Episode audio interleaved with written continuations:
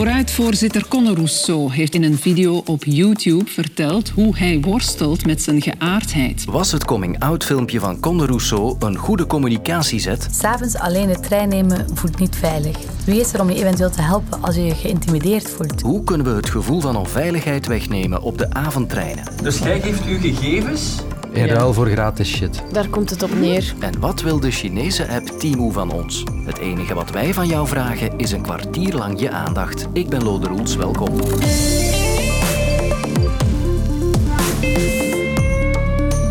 Rousseau, de voorzitter van Vooruit, maakte gisteren bekend dat hij worstelt met zijn geaardheid. Ik val minstens op de twee, zo klonk het. Hij vertelt dat er te vaak gespeculeerd wordt over zijn geaardheid, dat dat hem verlamt en dat hij daarom nu publiek zijn coming-out doet. Die boodschap op zich is geen issue en vooral een persoonlijke aangelegenheid waar we geen zaken mee hebben. Maar de manier waarop hij het nieuws bracht was opvallend. Geen blitzfilmpje op Instagram of TikTok, zoals we van Rousseau gewend zijn. Merci voor jouw inzet. Het is vandaag complimentendag. Complimentjes krijgen, dat is leuk. Complimentjes geven, dat is nog veel leuker. Deze plant krijg je ook van mij. Ça va met u. Maar je mag eerlijk zijn, hè. it's okay not to be okay. Really. Na de massale aanvraag op Instagram is hier de Jeruzalemma Challenge. Dit keer kwam er een professioneel gemaakt en hypergeregisseerd video-interview van 14 minuten lang, afgenomen door journalist en reportagemaker Erik Goens. Voor de beelden moest aanvankelijk ook betaald worden trouwens. VRT Nieuws heeft beslist om de video niet te tonen uit principe, zelfs nu het ondertussen gratis is, omdat we niet de kritische vragen hebben kunnen stellen die we gezien de context nodig vonden. Maar wat moeten we denken van dit soort politieke communicatie? Ik kreeg Peter van Aalst aan de lijn. Ja, goedemiddag. Expert politieke communicatie aan de Universiteit Antwerpen. Het gaat hier om een heel gevoelige materie, hè, waar hij duidelijk ook al mee worstelt. De laatste tijd gingen daar geruchten over, dus hij moest daar op een bepaald moment mee naar buiten komen. En dan hou je voor zoiets gevoelig graag de regie in eigen handen. Dus hij kiest hier ook echt voor een format waarin hij ja, dat zelf kan brengen, uh, goed doordacht, goed afgesproken. Ja, en zo kan hij dan de regie in eigen handen houden, zeg maar. Het wijkt wel heel fel af van wat hij vroeger deed op TikTok of op Instagram, hè, met van die selfie-video's. Dit is totaal iets anders. Ja, dit is heel professioneel gemaakt. Uh, terwijl die, ja, de sociale mediastijl is natuurlijk juist een beetje speels, een beetje ja, authentiek en daardoor ook soms wat bewust rommelig, zeg maar. Daar wijkt dit inderdaad van af. Het deed mij wel een beetje denken aan de reeks The Last Summer, waarin Conor Rousseau wordt geportretteerd als de jeugdleider op kampen voor jongeren. En waar hij dan heel geëngageerd ook een beetje vertelt over zijn politiek engagement. Ja, vandaag de start van onze kampen van Juts West-Vlaanderen hier in de Barkentijn. Wie het nog niet zou weten, ik ben hier elk jaar sinds mijn geboorte zo'n drie à vier maanden per jaar aanwezig. Mijn dertiende jaar uh, als vrijwilliger. Dat was ook heel professioneel gemaakt. En daar lijkt dit ook wel wat op. Ja, dit soort politieke communicatie in dit format, hebben we dat al eerder gezien in ons land? Ik heb het zelf nog niet veel gezien. Ik, je hebt wel mensen die ook wel in het verleden met gevoelige zaken naar buiten komen. We hebben El Kawakibi, die kwam met een persoonlijk statement rond heel het schandaal waarin ze was verwikkeld. Afgelopen periode voelde alsof het licht in mij doofde. En ik geef toe, ik was lang, lang geslagen. Bart de Pauw kwam ook als eerste zelf met het nieuws naar buiten dat hij in, in opspraak was gekomen. Uh, beste mensen, ik heb een, uh, een heel belangrijke mededeling te doen. Maar in deze interviewstijl, echt gemaakt alsof het een journalistiek product is, heb ik eerlijk gezegd nog niet veel gezien. Ik denk dat ze daarvoor gekozen hebben omdat het wel toelaat dat er iemand een ja, op het eerste zicht toch wel wat lastige vraag stelt. Ja. Hoe moeten we dit nu beoordelen, deze communicatie? Ja, ik denk, als ik eerlijk mag zijn, dat men een beetje te ver is gegaan in de professionalisering.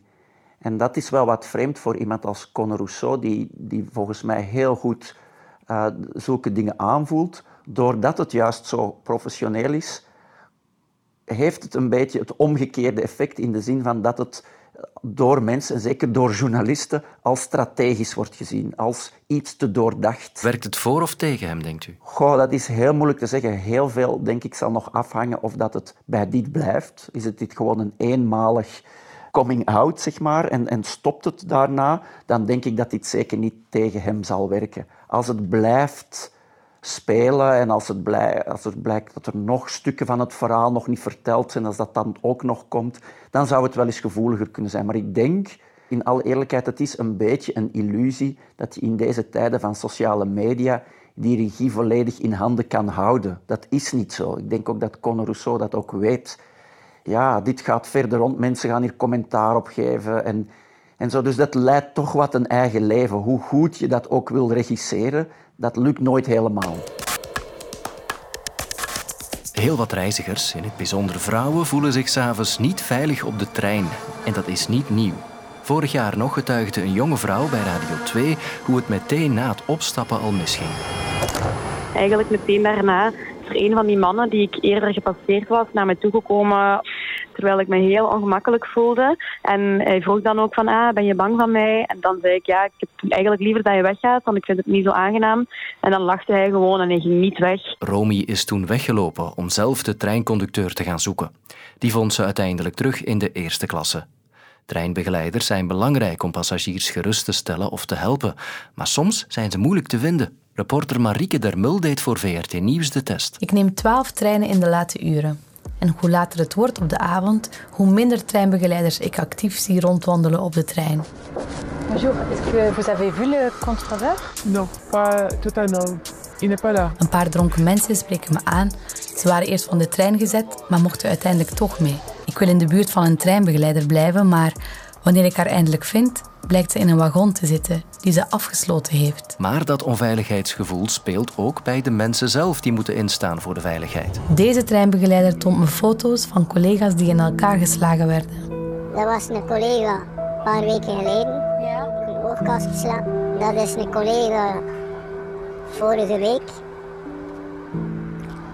En zo is het om de twee weken iemand. En zo kom je in een heel moeilijke situatie terecht. Wat moet er gebeuren om de vicieuze cirkel te doorbreken? Ik belde naar Bart Krols van de NMBS en naar Peter Meukens van Treintrambus voor de antwoorden. Je ziet niet altijd een treinbegeleider. In een station zie je vaak ook geen eh, personeelslid meer. En dan voelt de reiziger die al een beetje bang is en nog banger wordt, die voelt zich dan helemaal in de steek gelaten en in het nauw gedreven. En dat moeten we vermijden. Want mensen doen twee dingen. Hè. Uh, oftewel uh, proberen ze daar het beste van te maken en met veel schrik weghollen. Ofwel zeggen ze, we nemen dat openbaar vervoer niet meer. En dat laatste is uh, bijzonder jammer. Goedenavond. Bonsoir. Wij staan ook niet buiten de samenleving. Agressie, dat blijft op een hoog niveau. En het is daar dat wij ook, ook oproepen naar de brede maatschappij, de samenleving. Van, we vragen om respect, maar ook om een, een volgehouden beleid van nul-tolerantie vanuit het gerecht, vanuit de politieke wereld, ten opzichte van agressies tegenover ons personeel.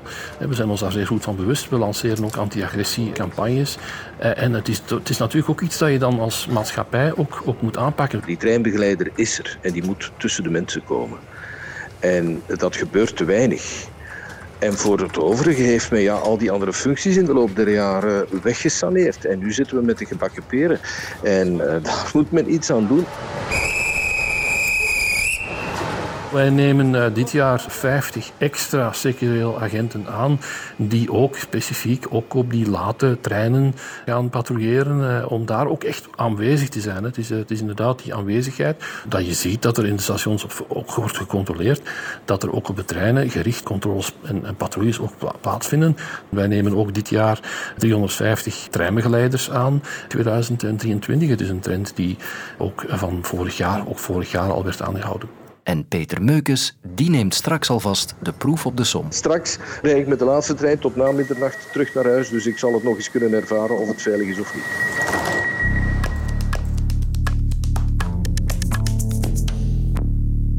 I feel like a billionaire. I'm shopping like a billionaire. I'm shopping like a billionaire. Shop like a billionaire. Dat is de slogan van Temu, een Chinese winkelapp. Ik moet toegeven dat ik het niet ken, maar op twee weken tijd is het wel de meest gedownloade gratis app in ons land geworden. Het is dan ook een populair onderwerp bij influencers op TikTok en Instagram en op YouTube. Goedemorgen wel leuk dat jullie kijken naar een nieuwe video. Zoals jullie hier zien heb ik allemaal pakketjes van Temu, als je het zo uitspreekt. In this video we are going to be checking out the brand Temu. I bought the number one best-selling product in over 20 different categories on Temu. In today's video we're going to find out if they're actually worth buying. I have two of these massive Temu boxes. They have clothing, they have gadgets, they have hair clips and beauty. If you don't know what Temu is, it's essentially an Amazon, but the prices are so affordable, it's insane.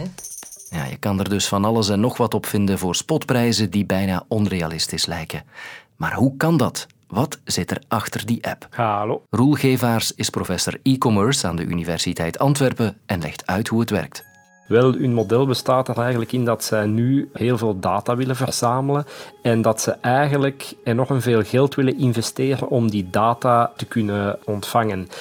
Hoe doen ze dat wel? Ze zijn eigenlijk onderdeel van een, een groot uh, Chinees conglomeraat dat uh, miljarden omzet en winsten maakt. Zij zwemmen dus, het moederbedrijf zwemt eigenlijk in het geld en zij accepteren nu om eigenlijk verliezen te maken op alles wat ze verkopen of op hun platform zetten. Vooral in de hoop door heel veel gratis of heel goedkoop aan te bieden dat ze een enorme massa van klanten, consumenten kunnen samenbrengen en van al die klanten en consumenten hun data kunnen opvangen. Dus eigenlijk gaat het erom dat dat bedrijf nu heel veel geld investeert en zelfs geld verliest uh, om die data te kunnen verstrekken, om die klantenbasis uit te breiden, vooral naar de toekomst toe, om dat dan te gaan vermarkten of om te gaan zetten in geld. Maar vandaag verliest men erop en is eigenlijk de hoofd, de moedermaatschappij die massas geld aan het inpompen zijn om de klantenbasis en de databasis te vergroten.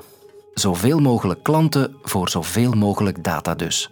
Maar data is wel een heel breed begrip natuurlijk. Als je je afvraagt uh, over welke data spreken we dat zij verzamelen, dat hangt een beetje af ook van de instellingen op, uh, op, uh, op je smartphone, welke toestemmingen je geeft. Stop. Are, is Timo listening to me right now? Dat kan heel ver gaan. De, de basisgegevens die dat zij gaan verzamelen is bijvoorbeeld hoeveel keer dat jij op bepaalde producten gaat klikken, welke schoenmaat je hebt, wat je gewicht is, uh, welke kleuren je leuk vindt. Maar kan ook te maken hebben dat men weet van bijvoorbeeld consument X heeft gemiddeld genomen een middagpauze tussen 12 en 1 bijvoorbeeld. Of als je je locatie laat opstaan in de app op de smartphone, kunnen zij bijvoorbeeld exact zeggen op welke momenten je de app gebruikt en waar je die gebruikt. En daar gaat men eigenlijk profielen voor opstellen, mee opstellen om je naar de toekomst toe heel duidelijk een beeld te hebben van jou, wie jij bent, hoe jij denkt, welke jouw voorkeuren zijn, wanneer je op welke plaats bent en gaat men daaruit proberen naar de toekomst toe potentieel uh, jou te gaan targeten of zeggen van dat type product past bij jou of veel meer op